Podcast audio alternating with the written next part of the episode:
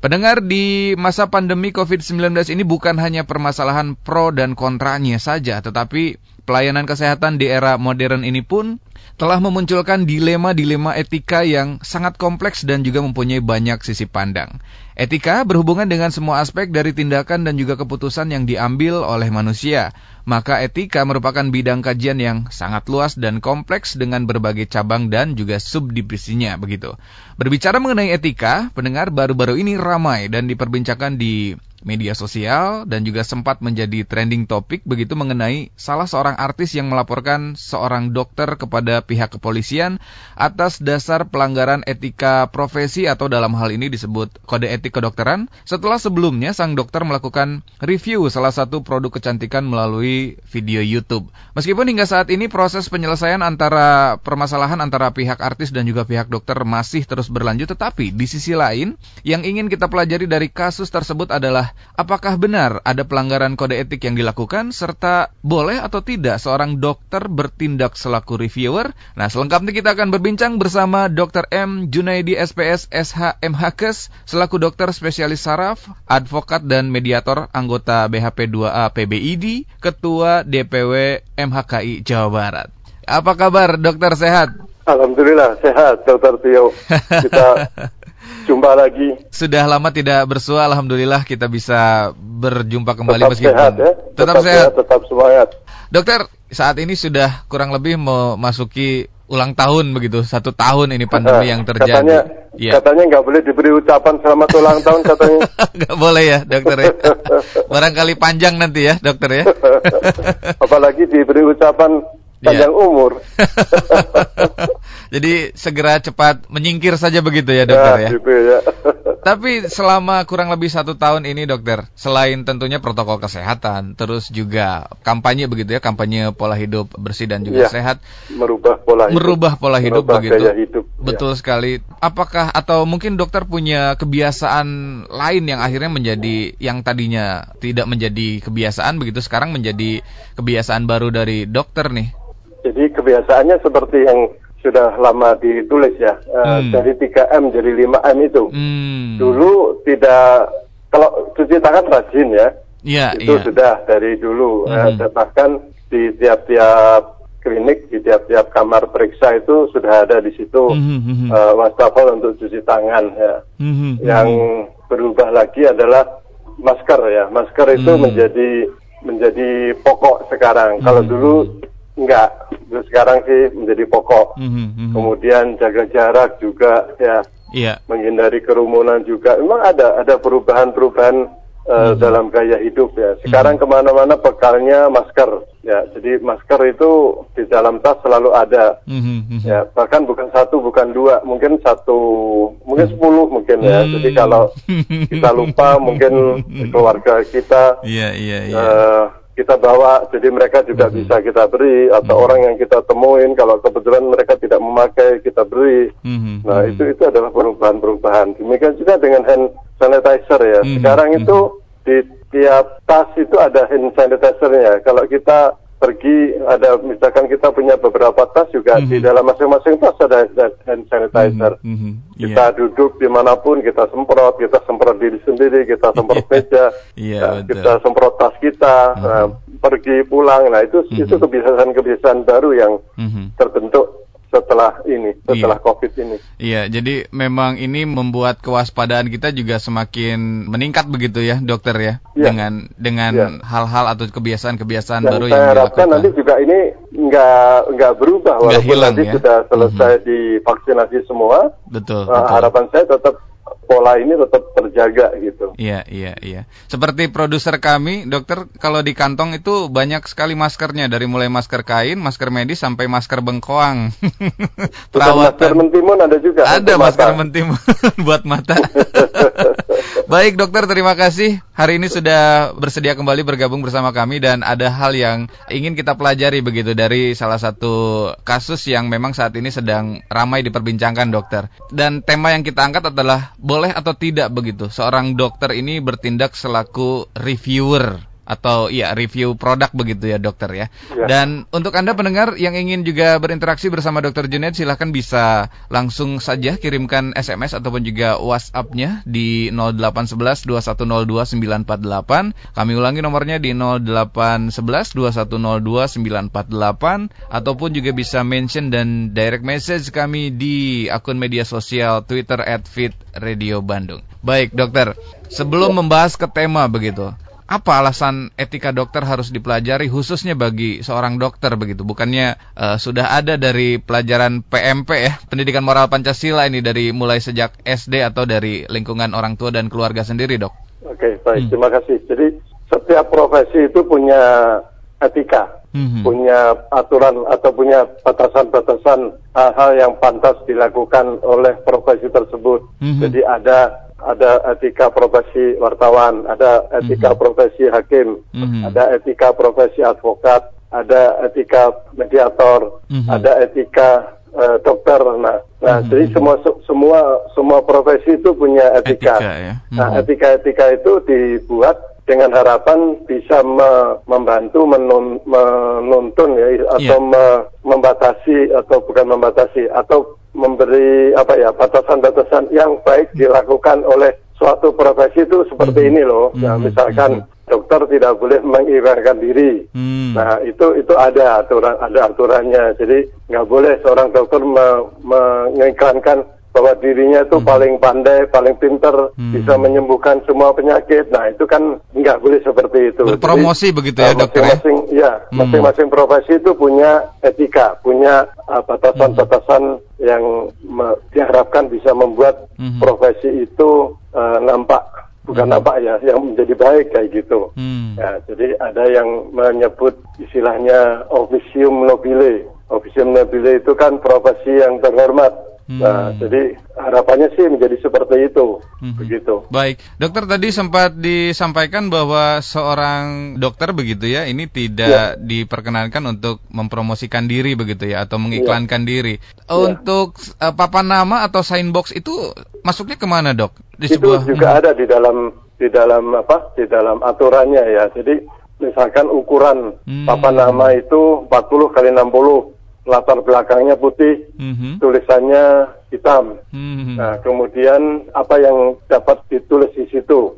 Nama, kemudian mm-hmm. SIP-nya, kemudian mm-hmm. uh, pro, uh, kompetensinya, dia mm-hmm. dokter spesialis atau dokter umum, kemudian mm-hmm. dia mencantumkan di situ jam prakteknya. Mm-hmm. Kalau zaman Belanda dulu kan namanya jam bicara. Jam bicara. Nah, kalau sekarang jam hmm. praktek, tapi kalau dulu jam bicara, konsultasi sebenarnya yang paling utama. Hmm. Itu hmm. hmm. itu ada aturannya. Demikian juga yang tadi disebutkan uh, ada boleh nggak pakai neon box, yeah, yeah. warna-warni, kelap-kelip, yeah. boleh nggak seperti itu? Yeah. Itu enggak. Oh, itu ada aturan-aturan yang tertulis seperti itu. Ya, hmm. Ya, bahkan dulu ada ada ide dari mungkin hmm. ada ada ide dari orang yang akan mem membebani atau memberi pajak hmm. Pada papan nama praktek seorang dokter. Hmm. Dan itu dibantah bahwa papan nama itu bukan iklan. Hmm. Papan nama ini hanya pemberitahuan bahwa di situ ada dokter. Identitas di situ ya, dicantumkan ya? uh, jam prakteknya, hmm. di mana orang itu bisa mencari dengan dengan mudah bahwa ke tempat di mana dia mencari bantuan untuk mengatasi masalah penyakitnya. Jadi mm-hmm. itu bukan iklan. Jadi salah kalau mm-hmm. papan nama dokter itu diberi pajak, dipajakin istilahnya karena mm-hmm. dia bukan iklan, bukan sarana untuk mencari uang ya. seperti Baik. itu. Karena memang dokter kan bukan murni mencari uh, uang ya mm -hmm. itu apa? Baik. pada pokoknya seperti itu. Itu papan nama. Baik. Jadi dalam artian yang diperbolehkan atau yang diperkenankan untuk melakukan promosi uh, kliniknya begitu dokter ya? Instansinya Kalau atau sakit, seperti apa? itu masih masih diperkenankan istilahnya. Walaupun mungkin bentuknya tidak secara terang-terangan ya. Paling hmm. mungkin rumah sakit itu kita sering lihat ya di media massa. Yeah, yeah. Uh, rumah sakit itu mengiklankan produk atau unggulannya. Misalkan uh, dia punya alat untuk uh, radioterapi, hmm. uh, dia punya punya software ya, punya tenaga dokter hmm. uh, seperti ini. Ya, itu itu sebetulnya agak tersamarkan gitu. Hmm. Di, ditulis di situ adalah bentuk-bentuk judulnya tentang suatu penyakit, mm-hmm. kemudian bagaimana tinjauan penyakit itu, kemudian pemeriksaannya. Nah, mm-hmm. nah, nah biasanya rumah sakit itu masuk di situ iklannya. Mm-hmm. Uh, jadi itu masih bisa. Tetapi kita tidak pernah melihat uh, ada seorang dokter yang mengiklankan diri bahwa dia bisa ini bisa itu oh, itu baik. Itu tidak ya bahkan ya. mungkin uh, majelis kehormatan etik kedokteran sudah memberi membuat rambu-rambu mm -hmm. seorang dokter itu boleh nggak mengiklankan suatu produk uh, suatu produk suatu oh, obat ya. seperti itu ada ada batasan-batasannya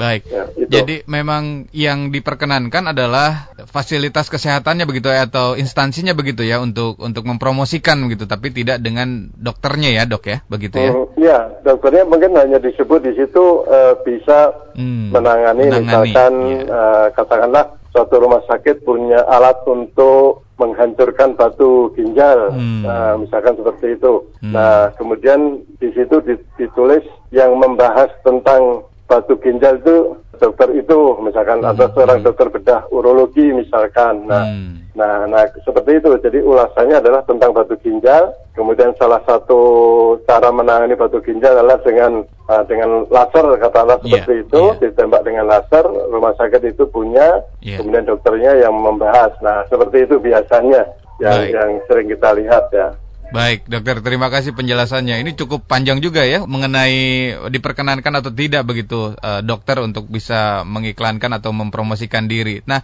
tapi zaman sekarang memang sudah tidak bisa kita bendung begitu untuk media sosial ya dok. Jadi ya. memang banyak juga uh, dokter yang memberikan edukasi begitu melalui channel-channel pribadinya begitu dan dianggap menjadi ladang atau sarana untuk berpromosi begitu dok. Dan sempat ramai juga kemarin dan bahkan menjadi trending topik begitu dokter melakukan review produk. Nah, menurut dokter sebetulnya ini seperti apa nih, Dok? Atau mungkin diperkenankan atau tidak, Dok? Ya, oke, okay, terima kasih. Mm -hmm. kita kembali ke reviewer ya. Iya, iya, Kalau ya. menurut definisinya kan eh, kita sering uh, reviewer itu peninjau atau penulis resensi kalau itu tentang hmm. buku ya. Hmm. Bahkan di majalah-majalah ilmiah itu ada reviewer uh, reviewer tulisan tulisan hmm. seseorang sebelum masuk ke dalam majalah ilmiah tertentu itu, yeah. dia direview dulu. Jadi tim majalah itu hmm. punya tim reviewer. Jadi dia akan tim hmm. reviewer itu akan mengulas, membahas yeah, yeah. tulisan yang akan dimuat di dalam majalah tersebut. Apakah hmm. tulisannya bermutu atau tidak? Ya, kemudian hmm. memenuhi syarat-syarat kaidah-kaidah tertentu atau tidak itu hmm. review. Nah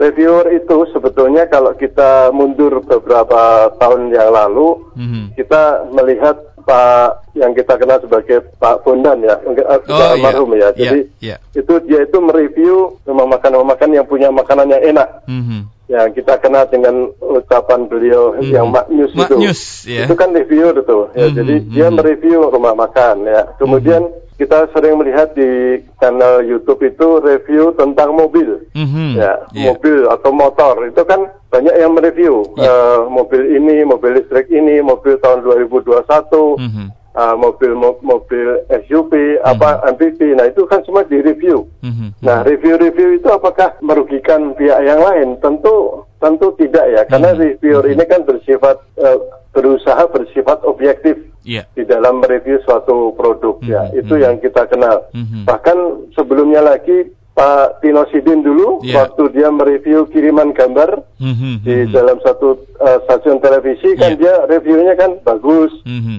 Bagus kan gitu nah, jadi itu itu reviewer juga iya mm -hmm. seorang guru itu reviewer juga reviewer mm -hmm. jadi seorang guru tuh dia mereview semua karya murid-muridnya kan hasil hmm. ulangannya, hasil yeah. pekerjaan rumahnya itu kan direview oleh mm-hmm. oleh mm-hmm. Uh, oleh guru ya. Mm-hmm. Demikian juga dengan uh, ibu-ibu rumah tangga, dia kan mereview juga uh, masakan uh, uh, di YouTube misalkan mm-hmm. ada uh, channel misalkan tentang review suatu masakan, suatu makanan, yeah. bagaimana uh, membuatnya, bagaimana rasanya, itu kan ada hmm. juga reviewer terkenal kelas hmm. dunia ya, yeah. reviewer hotel, reviewer yeah. makanan, yeah. Uh, itu ya. Nah, yeah. yang lebih ramai lagi yang sebelumnya lagi adalah ramainya antara seorang youtuber dengan uh, suatu produsen alat-alat luar rumah ya, mm -hmm. alat luar mm -hmm. rumah mm -hmm. ya. Mm -hmm. Nah itu yeah. itu kan juga ramai juga. Yeah. Jadi yeah ada seorang youtuber uh, yang dia mereview mm-hmm. suatu alat luar rumah yang dia beli, yeah. dia muat ke dalam YouTube-nya dia, mm -hmm. dan itu membuat keberatan si yang punya yang ya, di review. Yeah, ya, yang nah itu yeah. jadi rame, mm -hmm. jadi rame kan, jadi mm -hmm. ada ada netizen yang membela, ada pro dan kontra. Yeah. Nah itu yeah. itu yang rame ya. Nah kita kembali ke pokok, uh, mm -hmm. boleh nggak seorang dokter mereview? Mm -hmm. Nah review reviewer itu kan yang tadi saya ceritakan itu kan seolah menjadi hak semua orang untuk hmm. mereview, membuat review. Hmm. Nah, hmm. dokter juga punya alasan-alasan untuk mereview hmm. suatu produk ya. E, misalkan dokter itu mereview karena dia melihat ada hal-hal yang berbahaya di dalam suatu produk. Hmm. Ya.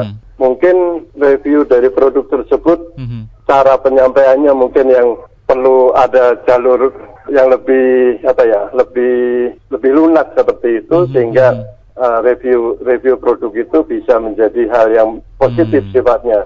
Tetapi yeah. kita lihat bahwa uh, banyak juga masyarakat yang merasa diuntungkan dengan review tersebut karena hmm. orang jadi tahu oh yeah. ini produk ini berbahaya ya ini produk ini boleh nggak uh, produk ini hmm, hmm, tidak boleh misalkan hmm. dulu ada uh, review tentang kerupuk hmm. kerupuk yang mengandung bahan yang dianggap berbahaya bahkan hmm. dulu juga ada review kopi instan ya hmm. kopi instan hmm. yang dibuka dari sasetnya dibakar hmm. dengan korek apa korek api hmm, hmm. Hmm. dan semua bahan yang keluar dari saset itu bisa mudah terbakar. Nah itu kan review-review hmm. sebetulnya. Yeah, yeah, nah, yeah. nah kalau tujuannya adalah untuk edukasi, hmm. Hmm. itu saya kira tidak masalah ya, karena memang uh, itu untuk edukasi, untuk menyelamatkan banyak hmm. banyak orang si pemakai uh, si memakai produk tersebut. Nah, mungkin ta, apa, tata caranya atau cara-cara penyampaiannya lah yang mungkin hmm. uh, perlu bisa yeah, dibentuk yeah. lain yang mungkin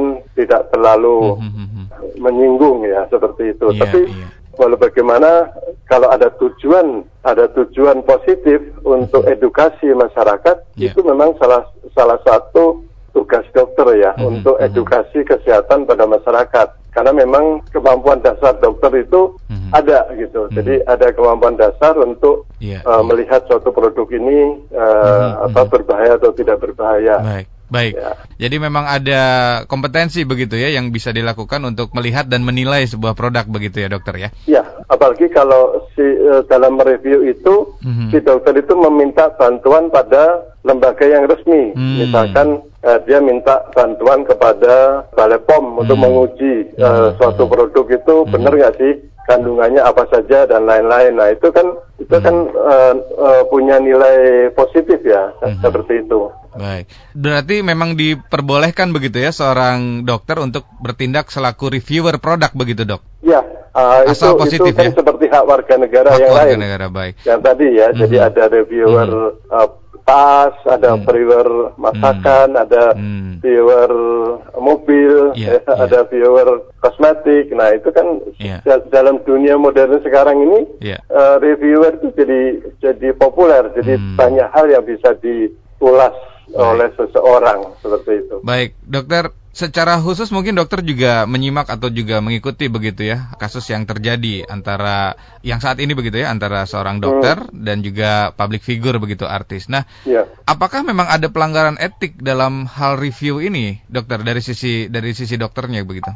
Ya, jadi kalau di dalam hal etika hmm. eh, seseorang dokter untuk untuk apa untuk menyampaikan suatu pendapat itu mm-hmm.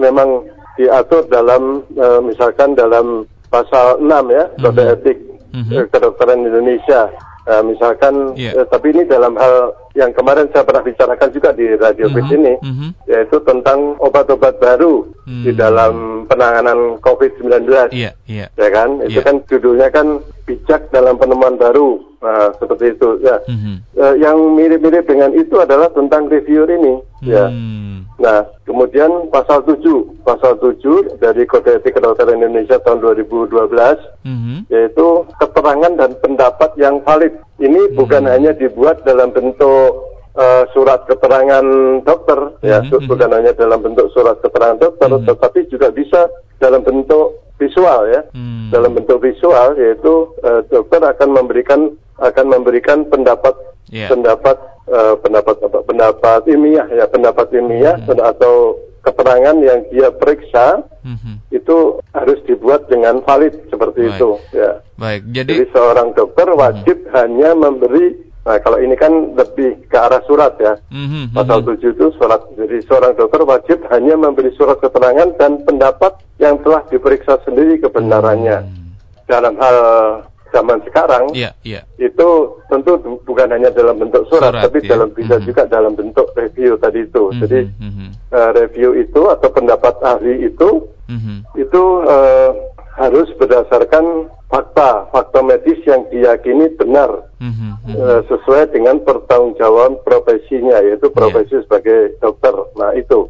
Baik. Jadi jadi boleh nggak? Boleh asal mm-hmm. dia memberikan fakta medis yang yeah. benar, yang tadi. Yang valid ya, dokter dia ya? memeriksakan mm-hmm. ke Balai POM mm-hmm. ya, mhm. Balai POM bahwa benar nih yang saya curigai seperti ini. Tolong mm-hmm. periksa. Oh ya benar. Nah itu itu kan mm-hmm. jadi dia memberikan keterangan dan pendapat yang valid karena hmm. didukung oleh hasil-hasil pemeriksaan laboratorium dari pihak lain. Hmm. Nah, ini tidak melanggar hmm. uh, pasal 7 Kode Etik Kedokteran Indonesia. Baik. Uh, seperti itu. Baik, ya. dokter. Jadi memang kesimpulannya adalah diperbolehkan begitu ya, dokter untuk memberikan review begitu atau ya. mengeluarkan ya. statement baik itu secara ya. tertulis ataupun juga audio visual, asalkan memang bisa dipertanggungjawabkan dan valid begitu ya, dokter ya. Iya, nah, betul. Jadi itu harus ya, harus baik. Gitu apakah selain dari pasal 6 eh, tadi dari kode KIK begitu ya dan pasal 7 atau apakah ada rambu-rambu lain begitu bagi dokter mengenai uh, hal ini dok atau uh, ambil kasus berarti contohnya adalah yang reviewer ini ya jadi uh, itu itu termasuk dalam uh, yang pasal selanjutnya yaitu pasal hmm. 8 yaitu tentang oh. profesionalisme oh, ya baik. jadi uh, saya baca saja ini pasal mm -hmm. 8 tentang mm -hmm. profesionalisme dokter. Mm -hmm. Seorang dokter wajib dalam setiap praktek medisnya memberikan pelayanan secara kompeten mm -hmm. dengan kebebasan teknis dan moral sepenuhnya disertai rasa kasih sayang dalam kurung compassion mm -hmm. dan penghormatan atas martabat manusia. Nah, jadi ada kompetensi nggak? Ada ya. Ada kewenangannya nggak? Ada. Mm -hmm. Nah itu profesionalismenya ada nggak? Ada. Nah itu. Jadi mm -hmm. kalau kalau ini dilakukan dengan dengan benar, mm -hmm. ya mm-hmm. itu uh, sesuai dengan kompetensinya itu nggak nggak masalah ya. Mm. Ya jadi hal-hal seperti itu saya kira bisa dilakukan ya untuk iya, untuk iya. itu apa untuk menjadi seorang reviewer gitu. Mm -hmm. Baik, untuk pertimbangan dari penilaian begitu produk dan membantu masyarakat luas tidak ada yang jadi problem di situ ya dokter ya asal memang uh, masih dalam koridor yang memang di, diatur begitu ya dokter ya. Ya, karena kan ada ada ada kompetensi dan dasar seorang dokter kan. Baik. kan. Nah, ya. dalam kompetensi dasar itu kan seorang ya. dokter kan bisa mengetahui apa namanya bahaya, hmm. bahaya dari suatu produk. Nah, tentu bagus kalau dia bisa menyampaikan hmm. uh, apa yang diketahuinya itu bagi masyarakat umum, hmm. ya kan? Nah, yeah, nah yeah. dengan harapan agar masyarakat mengetahui ini perlu diwaspadai gitu, seperti itu. Ya, nah apalagi kalau dia didukung oleh apa hasil-hasil laboratorium yang yang valid ya, itu hmm. itu hmm. niatnya uh, bagus ya. Jadi, nah mungkin yang perlu di uh, perlu diperbaiki lagi adalah mungkin cara penyampaian hmm. atau mungkin hmm. bentuk penyampaiannya. Nah, hmm. itu yang perlu. Tapi kalau kompetensinya hmm. untuk menjadi seorang reviewer itu seorang dokter uh, pasti punya ya. Jadi hmm. hmm, hmm. apalagi kalau kalau dia dibantu oleh peralatan-peralatan yang uh, memadai iya, iya, seperti iya. itu. Baik. Selain dari ilmu kedokterannya juga harus menguasai ilmu komunikasinya begitu ya dokter ya? Nah itu betul. Jadi hmm. cara penyampaian itu bagaimana sih? Ya, hmm. Cara penyampaian yang yang benar, tepat, hmm. Hmm. nyampe pada sasaran, tetapi yeah. uh, tidak apa ya tidak hmm. tidak merugikan hmm. atau tidak menyakiti orang lain. Baik. Nah, yang tadi saya contohkan hmm. uh, almarhum Pak Bondan itu yeah, kan yeah. Uh, dia komennya maknyus ya. Hmm, maknyus. Maknyus itu bagi bagi Bonan tuh oh ini enak. Enak. Ya. ya. Apakah kalau ukur enak itu kan hmm, hmm, hmm. rasa, rasa itu kan bersifat individual. Betul. Tidak ya. ada yang bisa laboratorium yang bisa menguji hmm. menyatakan suatu masakan tuh enak atau tidak hmm. enak. Hmm. Kan lidah orang berbeda-beda. Beda-beda. Selera juga beda ya dokter ya. Nah selera berbeda-beda. Hmm. Tetapi penyampaiannya dalam bentuk ini hmm. maknyus, nah, itu hmm. itu. Hmm itu aman misalnya kayak ya, aman, gitu. Ya. Demikian juga review yeah. mobil. Mm-hmm. Misalkan mm-hmm. uh, dia mereview uh, mobil murah dengan perlengkapan yang canggih dibandingkan dengan perlengkapan canggih yang ada di mobil mahal. Mm-hmm. Uh, dia kan ada yang mengatakan nice, mm-hmm. fine, yeah, bagus, yeah.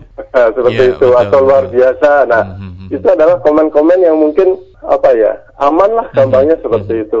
Baik, baik dokter, terima kasih. Sebelum kita berinteraksi dengan pendengar, dokter ada ada beberapa yang sudah bergabung bersama kita dok. Tapi mengenai trending topik di Twitter yang yang memang sempat terjadi begitu, karena ada dokter yang digugat dan dianggap merugikan pihak lain. Uh, seperti apa tanggapan dokter begitu untuk para tenaga kesehatan lain? Pesan moral mungkin yang bisa disampaikan dok? Iya, pesannya adalah rambu-rambu etika hmm. uh, yang sudah ada di dalam kode etik kedokteran Indonesia yang kita, yang masih dipakai sekarang adalah kode etik 2012 yaitu hmm. itu menjadi acuan seorang dokter uh, di dalam berkomunikasi atau dalam bersikap bertingkah laku hmm. uh, kepada uh, masyarakat uh, bukan hanya kepada pasien ya pasien termasuk masyarakat juga yeah, jadi yeah. itu adalah uh, rambu atau panduan-panduan yang bisa dilakukan ya jadi dalam zaman sekarang misalkan dalam konteks yang review itu boleh nggak seorang dokter mereview oke okay, boleh hmm. tetapi reviewnya itu masih dalam rambu-rambu kode hmm. etik kedokteran Indonesia hmm. uh, seperti itu uh, yang saya harapkan baik terima kasih dokter ini ada Bapak Rian di GBI dok kalau disebutkan dokter tidak boleh mengiklankan diri sendiri, tapi ya. di era sekarang mungkin kita sering mendengar dengan ungkapan ini, kan saya seorang dokter. Apakah itu bagian dari mengiklankan diri sendiri, dokter? Ya, jadi kata-kata kan saya seorang dokter itu hmm. mungkin hanya untuk membuat orang menjadi lebih yakin hmm. uh, profesinya ya apa ya tentang hmm. profesinya gitu hmm. dia dia menunjukkan bahwa oh saya profesinya sebagai dokter yeah, yeah. Uh, tentu masih perlu di perlu dilihat juga hmm. uh, kata-katanya itu yeah. apakah kan tidak semua tidak semua apa namanya ya tidak semua dokter itu kompetensinya oh. sama kemampuannya sama seperti yeah, itu yeah, jadi yeah. saya kira kalau dia mengatakan kan saya dokter itu kan yeah. berarti hanya ingin menunjukkan bahwa yang berbicara itu yeah. seorang dokter kayak gitu. Apakah right. konteksnya berhubungan dengan apa yang dibicarakan itu mm -hmm. ya mungkin uh, hal yang lain lagi ya. Jadi mm. kalau tadi ditanyakan apakah itu bukan iklan, mm -hmm. saya kira kalau kita melihat kita harus melihat konteksnya. Dia berbicara itu dalam kaitan apa mm -hmm. uh, tentang hal apa dan di mana mm -hmm. gitu. Kalau hanya sekedar pemberitahuan sih, yeah. saya kira bukan suatu iklan ya. Baik. Itu kan sama dengan papan nama. Okay. Papan nama seorang dokter itu kan hanya pemberitahuan bahwa uh, ada dokter di situ mm-hmm. kayak mhm. gitu. Jadi kalau mau dipandang dari sudut iklan, yeah. ya mungkin bukan iklan sepenuhnya ya. Baik. Kalau, kalau di dalam dunia, baik. dokter, kalau konteksnya jelas. melalui media sosial bagaimana dokter?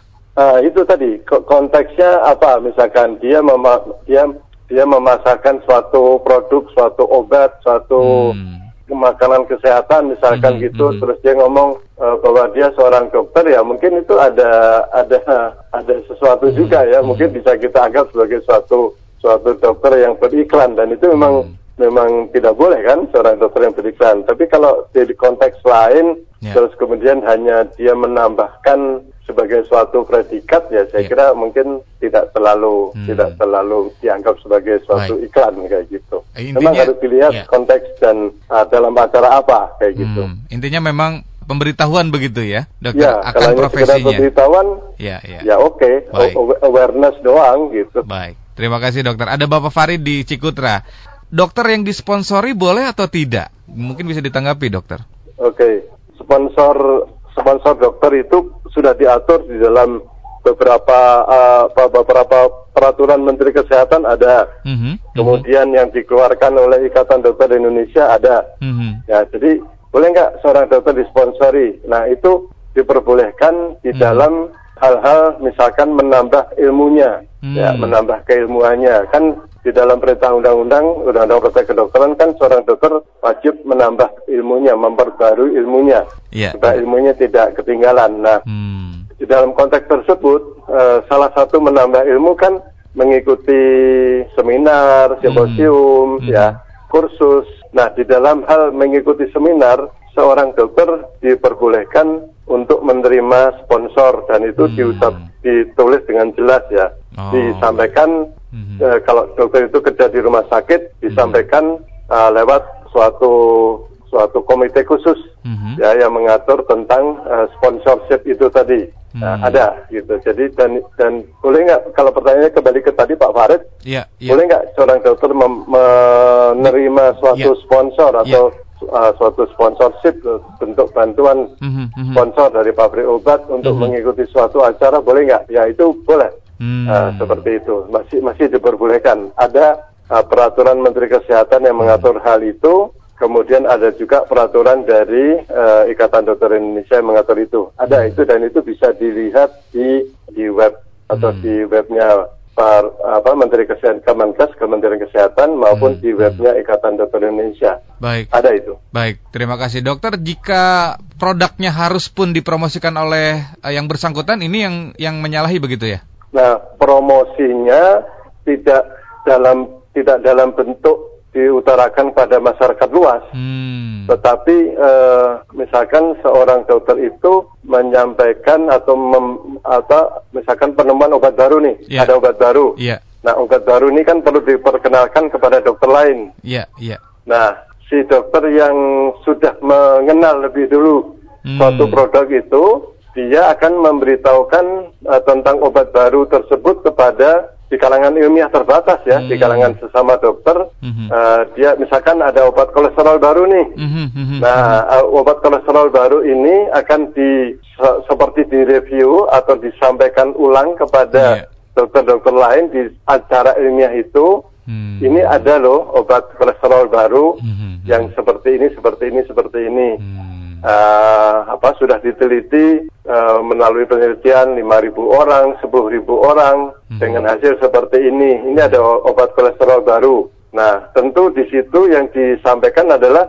obat kolesterol baru dalam nama generiknya. Hmm. Nah, perkara si dokter ini me hmm. mendapat sponsorship dari yeah. pabrik obat yang memproduksi hmm. obat kolesterol hmm. baru hmm. itu itu nggak masalah itu itu hmm. lain lagi ya nah, tapi si dokter ini di dalam acara ilmiah tersebut yeah. dia menyampaikan uh, hasil-hasil uh, penelitian di tempat-tempat lain tentang obat penurun kolesterol jenis baru. Nah, Baik. seperti itu ada, ada dan itu uh, lazim di kalangan dokter di dalam suatu forum-forum uh, pertemuan ilmiah ya, di dalam seminar, simposium yeah. itu ada dan itu uh, masih dianggap suatu kewajaran. Kewajaran ya. Itu. Baik dokter, terima kasih. Tadi menyambung nih dok, ada Bapak Denny di Cimahi, mungkin bisa dijawab secara singkat saja dokter ya.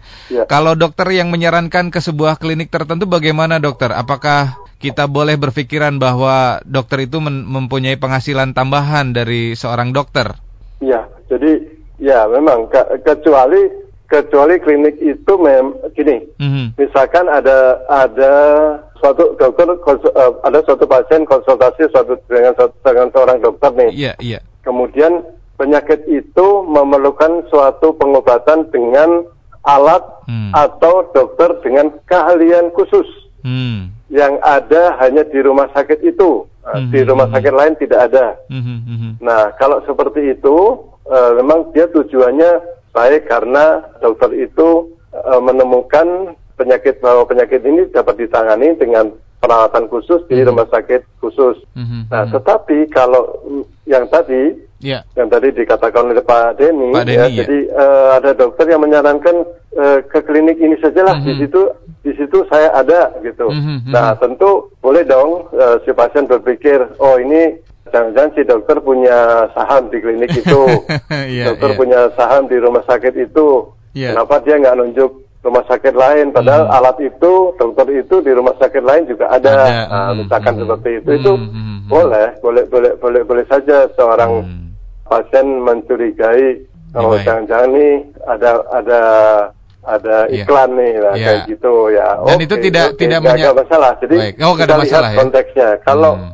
Uh, yang disarankan itu bersifat umum yeah. di tempat lain ada yeah kemudian di tempat lain juga ada dokter dengan kompetensi yang sama yang hmm. bisa menangani hmm. ya ya kita bisa apa uh, curiga oh ini hmm. iklan nih kayak gitu Baik. ya tapi kalau memang uh, yang tadi bersifat suatu hal yang khusus yeah. di rumah sakit lain tidak ada adanya di situ yeah. Dan itu benar ya oke okay, hmm. kayak gitu tidak tidak masalah ya tapi ya itu tadi kita lihat ada nggak udang di balik batunya kayak gitu atau suatu yeah, iya, murni. Yeah, yeah. Terima kasih dokter. Sekarang musimnya udang di balik bakwan dokter. Ah iya betul. Baik, dokter ini masih ada beberapa tapi mohon maaf karena kita juga tidak ingin mengganggu waktunya dokter lebih lama begitu. Jadi sebagai penutup bisa diberikan closing statement dokter mengenai pembahasan kita hari ini dok. Ya terima kasih. Jadi kita kembali ke topik hari ini yaitu boleh tidak seorang dokter bertindak selaku reviewer. Mm-hmm. Nah, uh, tadi sudah kita bahas seorang dokter sesuai dengan kompetensinya, mm-hmm. ya, sesuai dengan pendidikannya, sesuai dengan uh, syarat-syarat yang sudah ditentukan oleh oleh pemerintah, mm-hmm. oleh organisasi profesi, seorang dokter seperti masyarakat lainnya lainnya boleh mm-hmm. bertindak selaku reviewer. Mm-hmm. Uh, apa pun ya. Nah, hmm. misalkan apakah reviewer itu berhubungan dengan profesinya ataukah reviewer itu mereview suatu produk yang tidak berhubungan dengan profesinya. Hmm. Ya, misalkan seorang dokter mereview uh, suatu obat, suatu uh, apa alat kecantikan hmm. itu diperbolehkan asal sesuai dengan rambu-rambu yang ada yaitu terutama dalam rambu-rambu uh, tentang etika seorang dokter yang diatur dalam kode etik kedokteran Indonesia. Hmm. Demikian. Baik, terima kasih dokter. Semoga pembahasan kita menjadi pelajaran bagi kita semua ya dokter ya untuk pencerahan dari sisi etika begitu yang bisa dilakukan ketika memang ingin mereview dan juga menilai sesuatu atau sebuah produk melalui media sosial ataupun juga uh, apa namanya media-media yang lain begitu ya yang dimiliki. Ya, betul. Baik. Jadi dalam bentuk dalam zaman kekinian. Zaman kekinian. Uh, bentuknya bisa apa saja. Betul uh, sekali. Silahkan. Ya tentu sesuai dengan rambu-rambu. Terima kasih dokter untuk waktu dan Sama-sama. kesediaannya bergabung bersama kami. Semoga tidak bosan untuk selalu mengedukasi ya dokter ya di lain waktu ya, ya dokter. Sehat selalu dan selamat beraktivitas. Terima kasih. Amin. Demikian pendengar perbincangan kami bersama Dr. M. Junaidi SPS SHMHK selaku dokter spesialis saraf, advokat dan mediator, anggota BHP 2A PBID, Ketua DPW MHKI Jawa Barat. Semoga perbincangan kami bisa menambah informasi, edukasi dan juga meningkatkan kewaspadaan serta kesadaran kita semua akan pentingnya kesehatan juga penerapan gaya hidup yang sehat terutama di masa pandemi seperti saat ini. Terima kasih juga untuk Anda yang sudah bergabung bersama kami melalui SMS dan mohon maaf jika tidak bisa kami sampaikan pertanyaannya karena keterbatasan waktu, tetapi Anda bisa menyimak kembali setiap episode kami bersama para narasumber melalui podcast Spotify Fit Radio Bandung. Tetap fit, tetap sehat, tetap semangat fit listeners, and stay fit for life.